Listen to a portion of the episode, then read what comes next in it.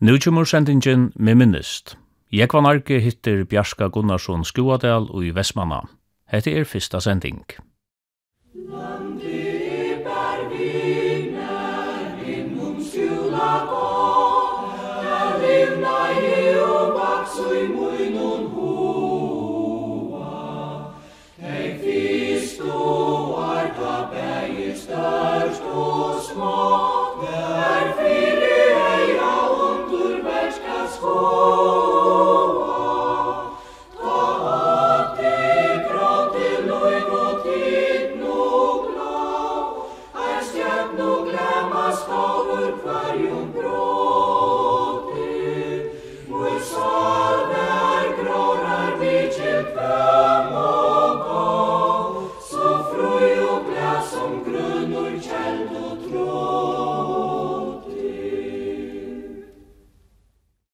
Og i dag færre vi til at uh, hitta Bjarka Gunnarsson Skoadal i Vestmanna.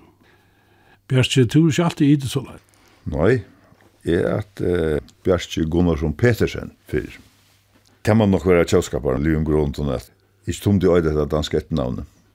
Og så har vi både munn og jeg, så var det Sigbjørn, og som det er vi skulle fære og få åkne et annet etternavn. Først han hilde vi til at vi kunne bare takk stryka Petersen. Petersen Men det er bare ikke til til det var andre folk som ikke Gunnarsson. Så var det bo i nyrja skiftet, så sa jeg til at i Danmark måtte for genka her, at sikkert han Jim Gunnarsson. Men det var heller ikke til. Hvor er det ikke bare til, det var det ikke. Så får vi bare løyde etter omkron, hos om steg er nå, nok stedet, kanskje. Det kunne være en tintur, eller noe, eller klåret, eller en deler. Og så løyde vi da korsten. og så funnet vi den del, det visste vi ikke om fremme noen undan, som er et skuddeler, eller skuddeler, sagt var skudde aller Vestmann. Og så hilde vi til at dette her ylja og til at jeg ikke rikket ordentlig. Så kom det et A inn i midtelen, så ble det til skoadeler. Så var det Så kjøpte vi det fra drottningene. Dronning Margrethe den annen gav oss en løyve. Det halte at det kostet inn 200 kroner. Så var det Pappa døgnet Gunnar. Pappa Gunnar, ja. Og det er man sikker samma grunden till det hilde till att det kunde bara stryka till Petersen. Så det är samsvaret i kjordligan vi. Det som vi hilde att det görs nu. Men som sagt, det är bara just stil. Vi kunde inte bara ha Gunnarsson. Tog Jonnor, vi får en idsålös. Och samtidigt det namn och lovgavna som tar vi är så kunde du inte det. Men det är nudja kom, så kunde jag hej tog med boja. Enligt nudja kom, det visste ju heller runt om att hon för å komme til. heter var ju 1955 vi skifte navn. Kvien var pappan? Han var västmänniskor. Vanliga kallar Gunnar Mørsk, men han er Gunnar Petersen. Og mamma er Östny Västmanna. Hon et uh, Birgitta Winter Olsen. Men hon var vanlig kallar Gika Jøyon. Det var ikke vanlig kallar folk i etternavn. Ødel i det tjoa onklen eller ångsten i Loksjornak. Og kvar var så Jon? Og Jon, han var av Heijon. Yngste bodje Olav var heion, og han var vanlig kallavar Jon Olsen, kjeppmauer. Hei, han delbygd seg hus nere bo, bare tjena for kyrkjen og Vestmanna. Og var så handelsmauer, så som handelsmauer var ta tulljan i 1900-talen. Tar kjepte fisk, torska og fisk, rødde kipi ut, gura neggur sånn i Vestmanna. Abbe var så en av dem. Og de husene, handelshusene, alt det, det stender alt enn. Kommunen nu kjøpt han nu brukar det til um, saun. Eller atlare brukar det til saun. Det er et dårlig saun enn det er det ikke man kan si. Men det er jo sånne loter som kunne visas fram, men det er ikke alt kjipa enn verden så. Hvor er den siste som handla i her? Det var siste nabal mot, kallas Heien, Heien Vinter Olsen. Vi halde at han gavs aller fyrst i 2000-åren. Bæje mamma din og pappa din høyde røtter i vavon. Ja, det passar. Omma, mammo, at Birda, hon var Ritje Muaje, Heinesen, og faktisk at bægforeldren til pappa, Røtru Gassadel. Det var faktisk sysna bøtt. Abba Moin, han er Sigmundur, Sigmundur Mørsk, var han også kallar vår, til det bo av Mørsk, men han er Sjøvande Petersen. Amma, hon er han altså Fuja, Døtte Grekar Skalun, som også var slekta over Gassadel. Så vi tar nekva røtru av. Men Vestmanna var det, så det bo i Vestmanna, ikke Det var så oppvaksen og fødte Vestmanna foreldrene. Ja, så er det som rett av sant, vinter. Omma mot Mæren var av sant, døtte Suslemannen som tar var av sant. Men navnet Skuadal, det er med som avløselig knytt er det som ferien som vil ha gjort der Ester Underland. Ja, og i Vestmanna sier vi Ester Underland. Og ikke øyde Vestmanna Bjørtsen i Vestmanna. Vi sier Ester Underland. Men då, då sa vi fremma for, så kunde jeg ikke vite hva Estrund land er for nekka, og då sier vi Vestmannbjørgsen. Ja, jeg finnes ikke vitt, så igjen 17 og helt halv fjers år, noen kjenner seg halv fjers. Og det her kom pura av tilvild. Jeg er alls ånga atlanrommet for å sikla vi fyrir folk. Men um, Frøyre Blåhammer som er god på møyn, gifte mig fast på møyne, han har silt Estrund land i Negvar. Men tar han blir så gammal og orskar ikke mor sjukrøysene alltid. Og jeg akkurat finnes meg en båt, nå kjenner jeg all fjers. Og så ringte han til meg en dag, spurte meg ikke kunne fære et stund land hvor noen folk kom fyrir seg. Det er hundig godt. Og så helt det her var just deg, det er vi veri som folk nå. Men det var det bare slett ikke. Da ble folk via rinja. Telefonen har ringt og fremme folk kom og vidtja Vestmanna, så helt det, det var stolt for å vise dem bjørgjene, her er sånt land vet om. Så ringte jeg til min, til det visste at jeg er i verden akkurat Og da ser man ur havn, hotell og sånne kan plata rinja. Arne visste jeg, så var jeg i pjøysen her. Men så får jeg ære av sikla øysen søytene. Palle Lamhaga mittelnærer. Og ta i først av kipa dårlig. Ta sett seg i samband vi imskar Stånar her i havn og ærestane. Og bjøy seg fram. Det er jo en gang det gjørst. Så helt er det en numund for å være frier. Men da ble det heldre ikke da. Da ble vi her inn til øysen til morgen så fævre, da jeg helt av stått så fævre bare. Det var ikke skyggalig. Få noen krøyre at rett helt. Lærer av lønnen er jo skyggalig stør. Ja, ja, det er helt sånn. Men det minka ikke å fylle det, det var ære som stilte øsene. Men så er det det at kreppan kommer i 1905. Og jeg åtte tro i bøten som var blitt så mye vaksne at jeg skulle gjøre akkurat. Selv jeg var Gunnar, den neste. Han måtte være om la 20 alltid da han fyrir han lesa oss og skulle han gjøre somrarna for å tjene sindra pengen og det var han ikke gjøre så sier han vi med om vi skulle færa og, og kipa etter her ordentligt gjør det ordentligt, ikke bare boi en langt kjemmer og spyr om i tøyma vi bjør fram Da jeg huksan har løtt om det, så jo, jo, Hvor er det, det skulle jeg ha åkt. Jeg har tvei åndebøtt nøysen som, hva var det, 15-16 og såret. Det er jo godt kjall om man har haft det, så, ja, ja, så før det gongt. Så bjør vi dokken fram. Så gjerne hevde jeg ikke. Det er bare vaks i alle sommeltøyene. Da første året, det var ikke selja nek folk. Men så blei det så mykje nek, og vi klarer det ikke vi i sånne tutsmannaffæren som jeg finnes meg. Så vi sluppar her og tøll folk i hver affær. Og vi måtte loja okkur nokran bat, som vi fink vi kip et litt jeg gautakka eller gaukjenna. Så får vi det som at uh, skulle spara, gjør okkur nokran bat at. Så kan vi ikke kjipe et litt noen, og tar gav tog til at vi bør ta tja. Ja, vi bør gjøre noen 3-3-2. Vi nevnte også Barbara, etter noen ørenbate som vi hadde løya fram han undan. Det er snir som åttet han baten hans helt igjen, så han legger ikke ut brukt navn. Han har vi så enn, og han er som nokre 20 år gammel, men han er akkurat som nokre.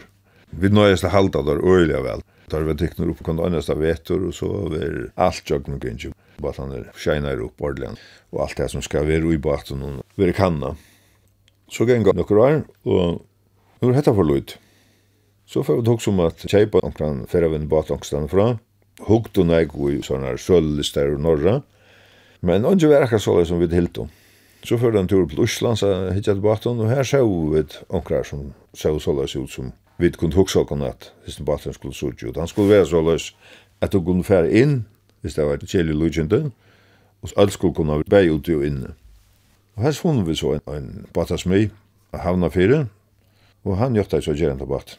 Og så lød vi fra i smuja, han er uh, knappa 14 meter lengur, og gaua 4 meter brøyur. Han er akkurat som en bussur, kan man sige. Men en av bussen som, du vet, London-bussene som man kan sitta ute i petachen og nøysen. Så det ser det som Batten George. Och det är til som vi tar nu. Bortsett fra att det första som vi började i, han har ju så sett i neste, och han brukar det smör. Kvian kom han Batten? Det var tutsmann affær som Hjalmar Hatton smuja i mer i 1975. Da var han liv og smuja over, og så ble han sløybar til Vestmannar, setter i neste, og her gjør de så alt det som etter var å før så jeg kunne skje i alfjers, og han var ikke morgen kommet av flott, så ringte Blahammer og spurte om ikke kunne være etter rundt land. Så han er faktisk vei ut til vinden i alle togene til vi uh, tok han ur vinden nå for noen år siden. Tid uh, sykla alt sommaren? Ofta byrja vi i mars måned, marsmån, gjerne første turene. Men uh, som man sier, allmenn byrja vi ikke i mai måned, 1. mai. Ta sier vi da vi byrja. Men folk ringer ofta en bölkar och sådana som kommer era stanna. Så færre vi turar da, hvis er är klara. Det tar det skulle ju gengast alt allt sammalt. Och en varje gång datter. Kvärt kunne folk så uppleva oss som turen. Da vi færre sted, så gjør vi ofta en tv vi grøyer fra Vestmannen til dömes. forteller sig fra. från. noen, hvordan gusnäck folk bygga här och kvart er i Vestmannen, til dömes sev og fiskavirstjänst Og så tar vi kommet langt ut, så er det elbrutsene. Det er damer de grulig vel, å filme og hitja i elbrutsene. Så sikla vi vi kvart fram i land, alt etter hvor streimer nere i kvart studio. Da vi sikla tatt fram i landet, så sørger vi hvordan det kan si. Så er vi kvart nere i fjøren, vi til tæra. Og det undrar det ofte, hvor gongen er det for forsvenklet oppi i henen, og så er det til at grøyden fra hvor seieren gjør det. Jeg synder om streim, og Så kom jeg langer nord, med Slattanes, så grøy vi fra Slattanes, og nye sitt bygd og sånne her, kvitt er sett nere Slattanes. Og da vi så kom ut om tenkene her, så begynner ofte når jeg kommer med røringer i baten, kjenner Så er det sier kvitt her, jo jo, nå er det oppe i her og lukket til Amerika, pleier jeg å si. Åh, det. Og så var det. Så börjar man alltså så hackar allt liksom. Björgen där blev brattare och brattare och hackre och hackre längre långre och komma. Och så är det här understag och stabilt till säger den kan gänga här. Och skåranar. Och så färd in och jajer. På ett tag kommer Estromolan till dömes. Västmanna Mola som är i kallan. Så färd in och en jag och här är ofta en snittra lunta. Och här är en skårrösne som säger kongrui. Och han säger, han har vid ofta först ut vi båten så är barbar sjokken. Da legger man et her, og så sier den dryn opp, og så gonger han her all sommer. Så færer vi inn i midtelen drenger, og inn av inna og och noen hål og så framveis. Og så kunne vi ta vel vil til, så ikke nekka vel av lunta og det er det så øyla spent på så ikke luntar. Jeg vet ikke hvor det er litt jag å gjøre era fåglar. Det är allt, så kan allt vara lunta. Det är neve. Jag det er vid det neve. Så tar vi komma Estur til oss som heter Seskora Jekv, Seia Skora Jekv, vi sier bara Seskora Jekv. Her er et hål som vi kunne sikle jokkene, og det pleier så å være the turning point. Da vi kommer ut at du hålen, og så vender vi at. Det er en pastor av Vestmannen, han er sin langre enn det, men vi får ikke holdt av marsjen mittel Saxon og Vestmannen. Og så er det folk kalt i mett, så det tar stås at det ikke skjønner og vi kvila mossa skoja sindur av en og heimat. Turen tekur tvar tuimar. Nu klarar vi da sikla sin sjálta vi dem nudja baten fyr. Ta vi bæra hata tudsmann affæri, ta platta teka tvar en halvan tuimar. Men Vestmanna Bjørgsen vil ikke nek sagt det? Nå, etter fukle i vår høvrich. Nei, nei. Her er han ikke fukle så sjeldur til det. Du sa sjåvande den samme fukle, men ikke ta mange som var fyrir, og verre enn så. Verre enn så. Hva var det der gjør det? Da det var? Til fukla? Ja, ta tog og der fukla på imsa matar, og etter var det takk om han flei, ta bondet da batene i middelen renkene, i det sin imske sunt, og noen ser som da visste at fukla kom nye i bergsen, og Lomvin han er så løs at han, han må ha sin rafera til så lutla vantjer, Fyrir jeg kunne komme flå ordelig Sen så kommer ner i bergen och så delar han sånt ner efter med en affärsaffär då. Och ta kommer han ofta så tatt ner med show någon att ta kast och röcka någon i stanchen. Och ta platta då två mansa sida en kvarn skot någon av baten. Ankten av var inne med men det sötta var inte gott. Han gör det ofta bara för tre en gång. Han som sätter mig inne. En annan måte det var att täcka hedlefugl. Det är fuglen som sitter uppe i landet helt nere ved kjekken, nek opp fra bare. Det er ofte en ungfokler. Så rekva menn fram vid landet, tatt fram vid landet, og ta det så kommer til et sted her som foklen sitter opp i landet, så renner det slansjene fram under han, og ta i hans her baten, så leiper han, og er der heppner så fader nekker, og i neten. Og en tri måte, til var å rekke på Jonna, og det er alltid ikke nekker ærestand i fargen, eller hava gjørst nekker ærestand utan her. Det er at uh, fuglene som ligger i stedet flokken ut bergen, det er særlig ut en jeg, altså Jonna som vi nevnte i Johannes, Seskor av jeg, så er fuglene rigen, akkurat som du rekker grint faktisk. Så flokkene som løy ut. Rikner inn av Jonna, og innast av Jonna her er et hål, vi lofte, og så fuglene får en ui her, og innast av Jonna her er en ord. Så fer fuglen, da du rekker han inn etter så, så får han på i så ordene. Og så lobo menn av blaman og oppi ordene er kippa. Så var fuglen tidsin øyne og øyne kipptur.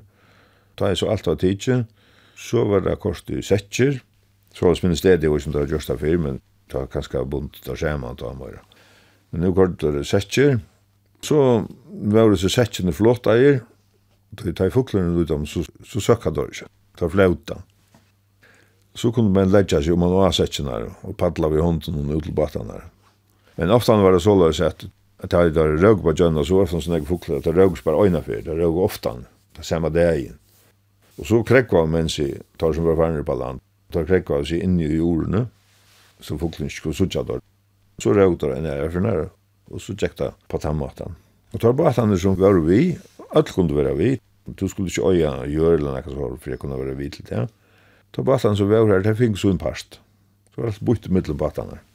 Jeg minnes ikke om det ble bort etter mannen som var i batan, eller bare etter batan, det du ikke minnes. Men jeg har jo selv vært flere for når vi tar smadronker. Det er ikke vært jeg tog siden. Da vi finner den i batan under kjenner seg alfjers. Etter tutsmannaffærer som vi har brukt til ferievinnar. Det var første vi gjorde, det, var for en tur i Strundland. Det var bare stortlagert, det var ikke vi ferievolts, det var bare vidt. Og så held vi det, her var foklar altså 24, så held vi så får prøve bare stortlagere, rekka nekra foklar. Vi du fink da fire. Jo, jo, vi fink nekra nye nu i ordene, men vi får så kjette dem. Det er langt å ta, men foklaren som nok minka over at ta leksjensgivner av rekka på gjønnan. Men grekkar sa fyrtjen som var en avfyr foklar med over, som du alt kjenner, pappen ved vinen, her estren. Jeg hadde fortalt det for pappa den visa kjentingen i at Det mesta då näkan det du finner her, det var 5000 fåglar enn det. Vi er ikke på jönna. Det er ikke 5000 fåglar her langt, i alt. Nekver Vestmenning var kjenter for at få nekver her? Det var det. Nå nevnte jeg Grekaris. Det var Ulle Jekvann og Olaf Apostus. Kjersa Kvalvisjak og Bendix og ja, en hundarik. Det var mennene kanskje som gjør det mest av det, det som er minst. Jekvann Tofton, Einar Jekvann, han åt en båt, så vi kallade det Einarsjekvann. Den Einar Dahl og han åtte båt, så vi fikk båten navnet Einar Einarsjekvann. Det var lukka som den beste båten vi Vestmanna ta, Tudjmanna fær. Det var stort til det av landet i Einar Einarsjekvann. ja, ja. Her er nekru drinkar. Ja, utfyrt. Det er nekka som gjør det ganske så avhåverst, det er drenkane standa fram vi her. Du kan sikla innanfyr der, i middelen drenkane og landet. Tar er om fem Kuivstrengur, oradrengur, rivdrengur og heiadrengur. Det er bare fyra. Ordelig drengar, men så er det støynar og sånne. Og en leng fleser er som kallas biskopssonsen, som nok så løgna av alltid. Så er en annen nok så fles, du ser det papten, apten, jeg sov jo enn gjerne før. Og hun er nok så sløtt, her blir til, eller ikke. Så er hun små støynar og Det vil si at jeg sier film, det er en drenger av men han er ikke en ordelig drenger, men det er hål i middelen han og landet, Og han er faktisk fastur i landet oppi Erva. Men han vil nevntur Lutlabærstrengur. Men han er ikke ordentlig drengur. Han er bare leiser i negra, ikke Erva. Får dere på i seg nei? Ja, ja. Ta fyrir på i særlig av det her drengar. Det har gått lundaland i her drengar. Annars fyrir dere på i alle hina drengarna røysene. Men jeg minnes at jeg var i pjun okkur drengar, utan i hei drengar. Ja, nu nevnte jeg Lutlabærstrengur, sier han ordentlig drengar. Her har man også vært, for ikke lenger tog siden, etter hevest, hevest hevestlunken. Det skjøter jeg at jeg har hevest noe sjøen. Det er så unge menn som bare gjør det for spenningen. Så fører det opp i drengen. Jeg minns ikke snakk av vink, og det er ikke kjølen jeg var siden. Han latter å komme på i til det. Ta et der råk upp av kjønna, hvordan jeg batar var vi? Det kunne være nekver. Alle batan som kom av resten kunne være vi. Jeg minnes ikke akkurat hele, men en 28 bøter, det er gunta sagt, så er det ganske mye. Så jeg hørte ofte han arabata vi i Øysene. Da brukte arabatene for å slippe holdt inn i jordene, som sier. Og øsene tar det til å gå hedlefugl, brukte øsene i Men kinbatene tar larm for utlandet. Ofta en rev ut av øsene bare med kinbatene for, det var så mye små eier, og det var lett å regge av utlandet. Men det hadde gruvlig ofte. Det sa han, det var føres rundt land, Så sa man ofta om att en båt häcker på i maskinbåten. En arabater. Så visste man det. Nå, nu får färdas det runt land. Det här det vara spännande så smått Men som sagt, vi slår på ofta en vi. Blev det sio i Västmannabjörken? Inte munnar tog. Men det här var då nog gjort. Det här råkne vi. Men jeg minns ikke til det. At det var sio noe som helst. Her er ikke røkker på samme måte som skikker til döms. Det er bare sånn. Jeg har ikke över hittlanar innanför i hejadrench. Det er det fredeste man kan kalla den råk ganske. Hitt er eier och skorstar och sådana kan. Och vi kallar råk. Och det är mattas av råk. Så det är inpasten loppen bostur nu. ta, vær oss nu og sådana. Inte nordlig ordentlig råk. Som det som vi tog til lorma hans gäng etter dem og sånne kan. Det är bara inte till vad man. Det er inte på den måten. Men det är först uppe drängarna. Det är ju mat jag suger. Da må jeg ha siget det, da var oppe i drengene og så nyretter innanfor, jo jo, det har det gjort. Oppe i øyesen her virksomheten som tid hava ester under landen, så hava dit eisen en krekk inni av fjør. Ja, det funnet vi døysene på. Om til ikke vi skiller godt har haft okkur såret, og mætstegn, da er folk. Kommer landa, ta var folk ofta en kald, så det ser ut ut, det kunne ikke være inn, som det kunne nu, i baten. Så gjør det vi et så sporene ble, og bytte ut til folk. En av sporene kunne være, om det nå var et mest her stedet, hei du så fer inn finnes det en bitar, og en større parst så være i ja. Og det var vel som grunn av det undertog, at vi til det kanskje hei er smart. Og Gunnar før så, og jeg holdt vi etter her, og fikk så nekrar vissare, å sitta pengar og etter her. Det kostet en nekra pengar. Så ble det gjort samtøys, som sånn her bateren som kommer i Islandet, 2005 var det. Så henne her, fjøre krekven, hun kom opp og standa samtøys. Men i søttene så har vi så kjøpt uh, hinar øyerne ut, så nu er okkara fela. Skoa det alle SPF og det da. Her er imist. Ja, her er den mest over, og så er møttøkka sjåvande. Nok så størst hus. Og oppi av loften og nere så et saun, og søvsaun, som viser en parsta for jeg søv. Han eggvislige parsten kan man ganske sige. Ta vi gjør dette huset her, så stod loftet tømt. Spekulerer på hva til å bruke det til. Så kom dette husgåttet. Og Huskottet fikk vi faktisk til Russland. Ta vi var og ta i sin her bateren ble gjørt der. Så var vi din i øynene som tar kattla av Øysen søvsavn i Russland. Det her var den uslenska søvann. Og vi fikk så samband med den mannen som åtte da, som er Gjørsta. Han og konan og døtteren, alltid hadde skapt alle disse figurerne eller dukkene, hva jeg skulle kalla det, ur silikon, ikkje voks. Så sa vi han, han var fjuser å komme og gjøre dette her, og så sendte vi folk opp til Oslands, a standa modell. Om du fært inn her og kjenner disse folkene, så kjenner du det etter. Det er nulivande folk som er modell til disse her imsko figurerne som er her. Her er mitt landa Trønder og Gøtt, og her er um, Brester og Bøyner, Sigmund og Skælingsbøynden. Han har røysen her, så er det Bardos i Annafestale. Jakob Veia, som jeg faktisk kjenner, han er en av dem, Sjur Skåle, han er en, og Gunnar Sjånmøy, og hins åner er Nøysene, Fraue, Bo Brattaberg, og en abba døtter min, Røysen her. Så det er nek folk som måtte sendes opp til Lusland, så det skulle være nok torrførst at det. Jeg slapp ikke vi. Det er ikke bruk for en sånn gammel mann, jeg husker. den her, vinnan Tjadikon, Du har vært nok så opptidsen av henne. Jeg skiljer lennom at du gafst som lærare til at det var tvei trus. Det kan så en par parste av tog. Det er ikke alltid lagt av få henne. Du skal bare du og sykla, vite hva du skal. Du skal vite hva du skal ta oss om. Og du skal du og sige det. Og en kan du vel å sykla. Det er ikke troblod. Og en annan kan du vel å prata. Men ikke hit, ikke noe. Og tog var jeg nekvi jeg begynner vi. Nå er ikke nekvi. Det är omkring händingar för men det er lite. Nu är det mest Gunnar. Han är väl faktiskt alla. Det var ju faktiskt han som sette det gongt, av allvara. Så han lever så alltid. Hvordan jeg årsverk er det her til sammen, det du ikke sier, men det er bare nok snakk folk. Og i mestående, siklingsene, og alt kunne sjående ikke være vi alle togene, utan Gunnar, han er alltid vi. Han er eneste det. Men nå er det jeg gav av vittig at um, Vi er fannet samarbeid vi tar seg Palalamauga. Annars kappa oss vi det ta første togina. Det var nok så kjelig og kvart. Men nu er det samarbeid. Ta ikkje så gulene folk er, så skiftast vi der hver vik. Ta kan man skal kvila seg sin. Men det er bare, vi bare entanar av togjabilen og ta folk. Tog man færre estrund land. Juni, juli og august. Ta er alle båtene i sving, nesten alle togina. Så ta best til å få en vecka til den der vi fri. Mer så det när til at att ökta förra. Ja, det gjør vi. Ja, det var faktiskt på en väg som säger vi måste först loja båtar, jag hjelpbakken, og så sen köpa båtar själva. Men så är det store stora når det kom nå, var det frøyer och og sälja star som nu räcker der her. Så klarar vi nästan vi tar en båten allt. Tar det här 48 folk kvar sykkeldåna fyra turar om dagen så blev det nek folk. Det hendte ju inte at att det färre på en 400 omkring dagen. Men alltså 200 200 trus folk kom det till helt vanligt. Hesa tror jag mannen som är nämnt.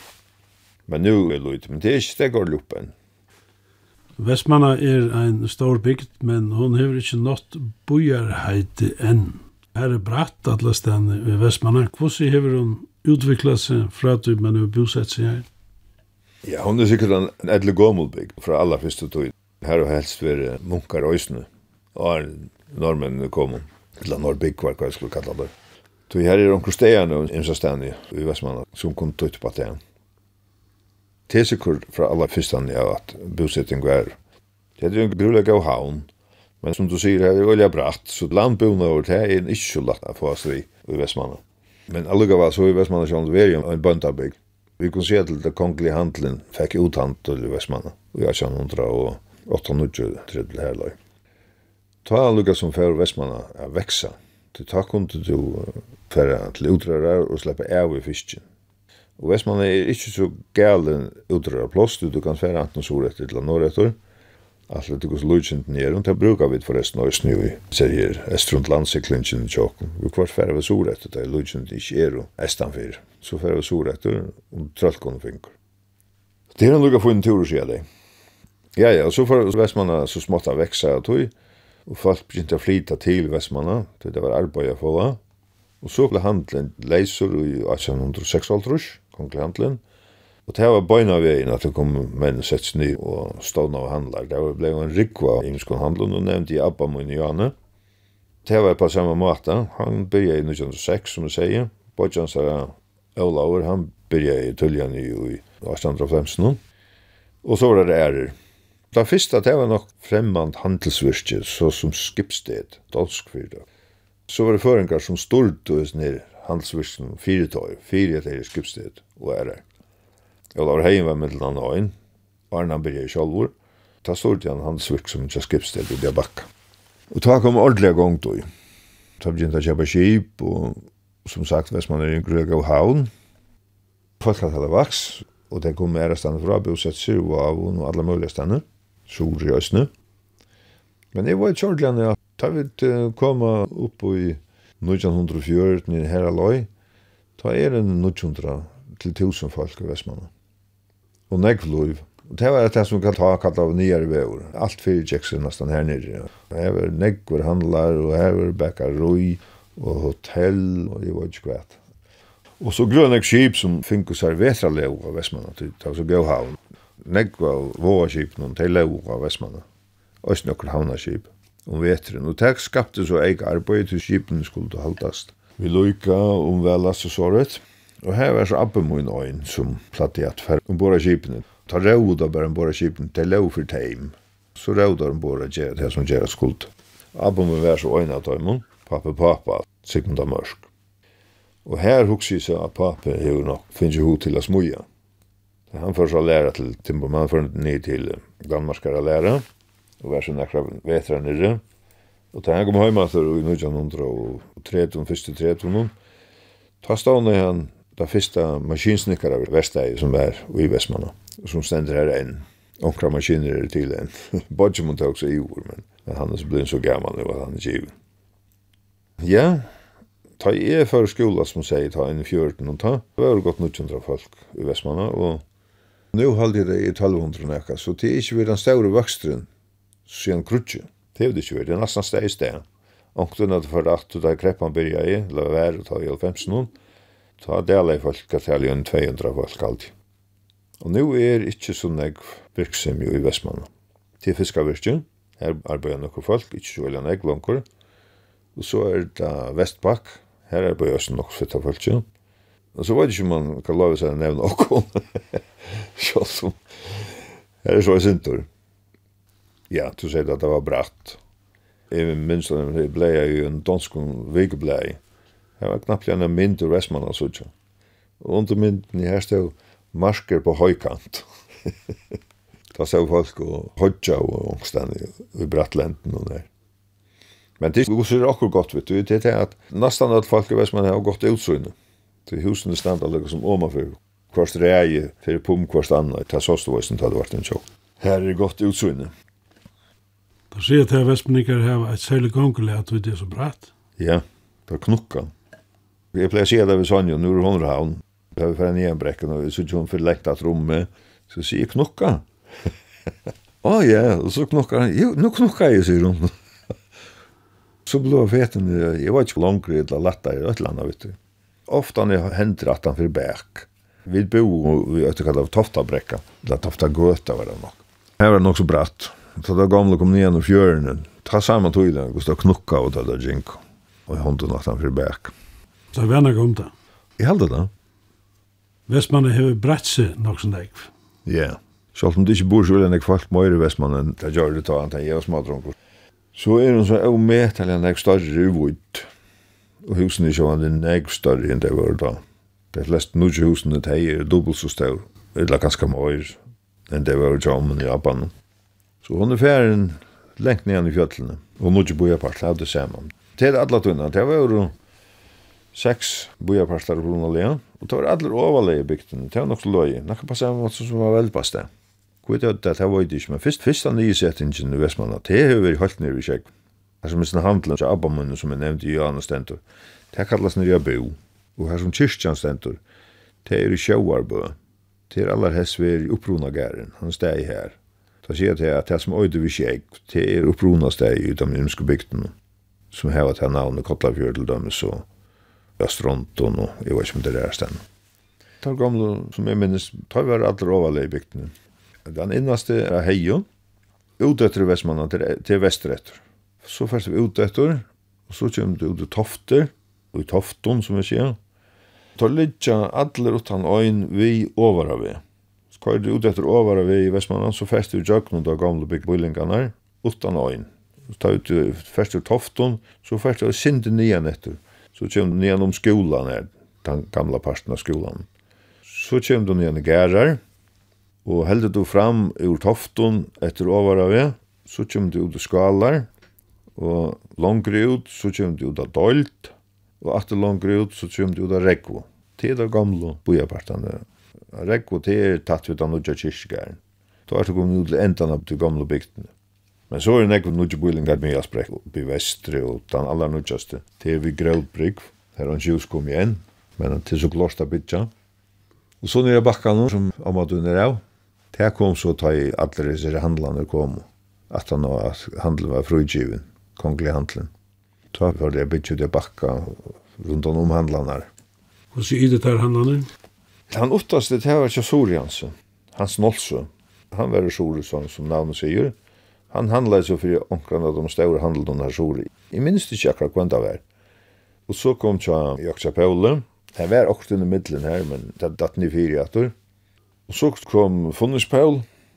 Att han han var gick en gärastå. Nu får jag in efter, ja. Öster efter bygden. Jag var gärastå var bort vid kyrkigären, den gamla. Och så kom Jan Olsen som var uppe min. Och så var det Marianna Nilsen som enda vi över Einar Dahl. Var det som vi og Jan Nilsen var ur Sandavai. Og så kom Åtte Jakobsen, så nere i heiene så her var Olav Heijon ta. Men han er jo der bakka av æren. Og så var det en danskur. Han har ikkje handel på en løs, men jeg halte han kjøpte fisk og sånnekka. En danskur ryggmannsson som kallades Henriette. Eller Vestmannen var bare kallet Henriette. Han skulle være ekkulig kjølsam. Han skriver ankra bøker og snum for øylig ytlande vi myndelagno. Øvrig høytene, ja, susselmannen og noe Men så var det nekva andre virksomhet i Øysene som kom attan og undan Øysene. Men dette var noe som tar høveshandlene som var ta. Og så tanna Brunalie. Fidjehandlene, ja. Konglehandlene av Fidjan. Han held så fram.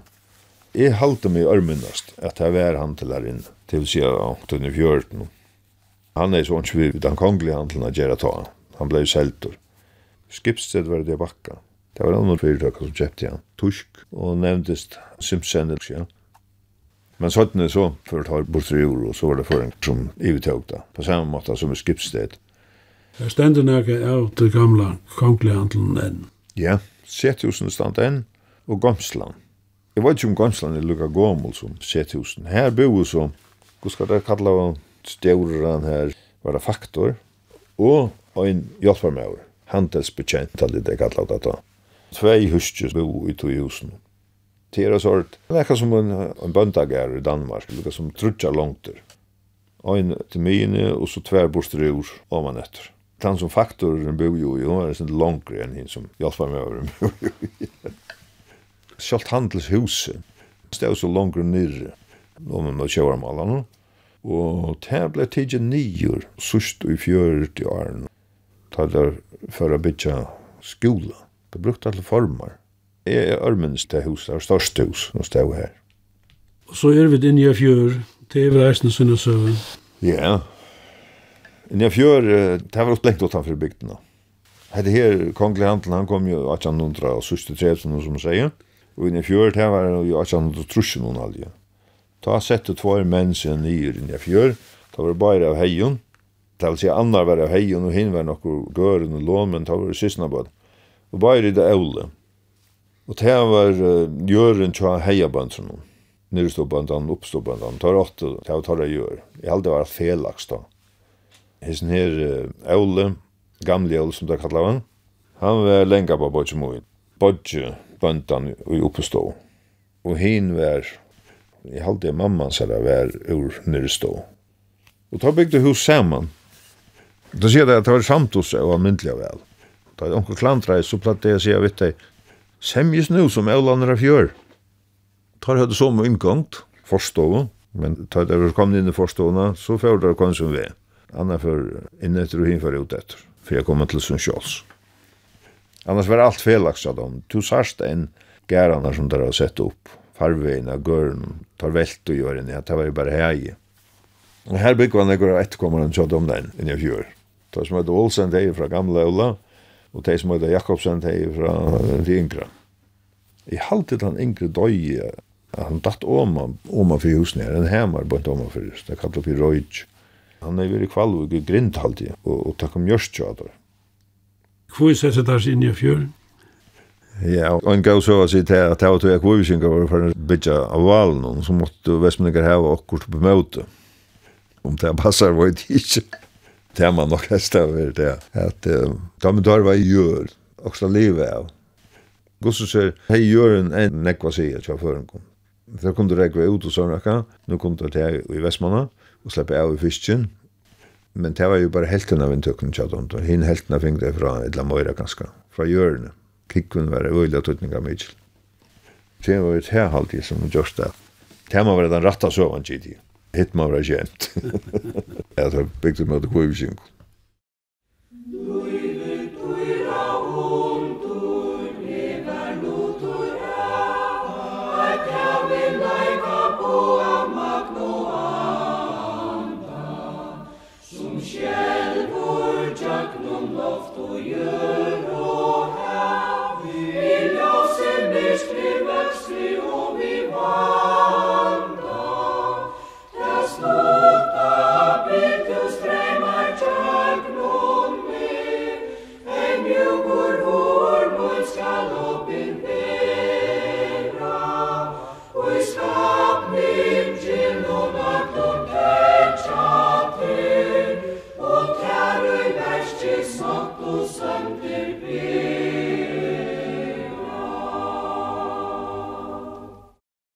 Hatta var sendingin med minnist.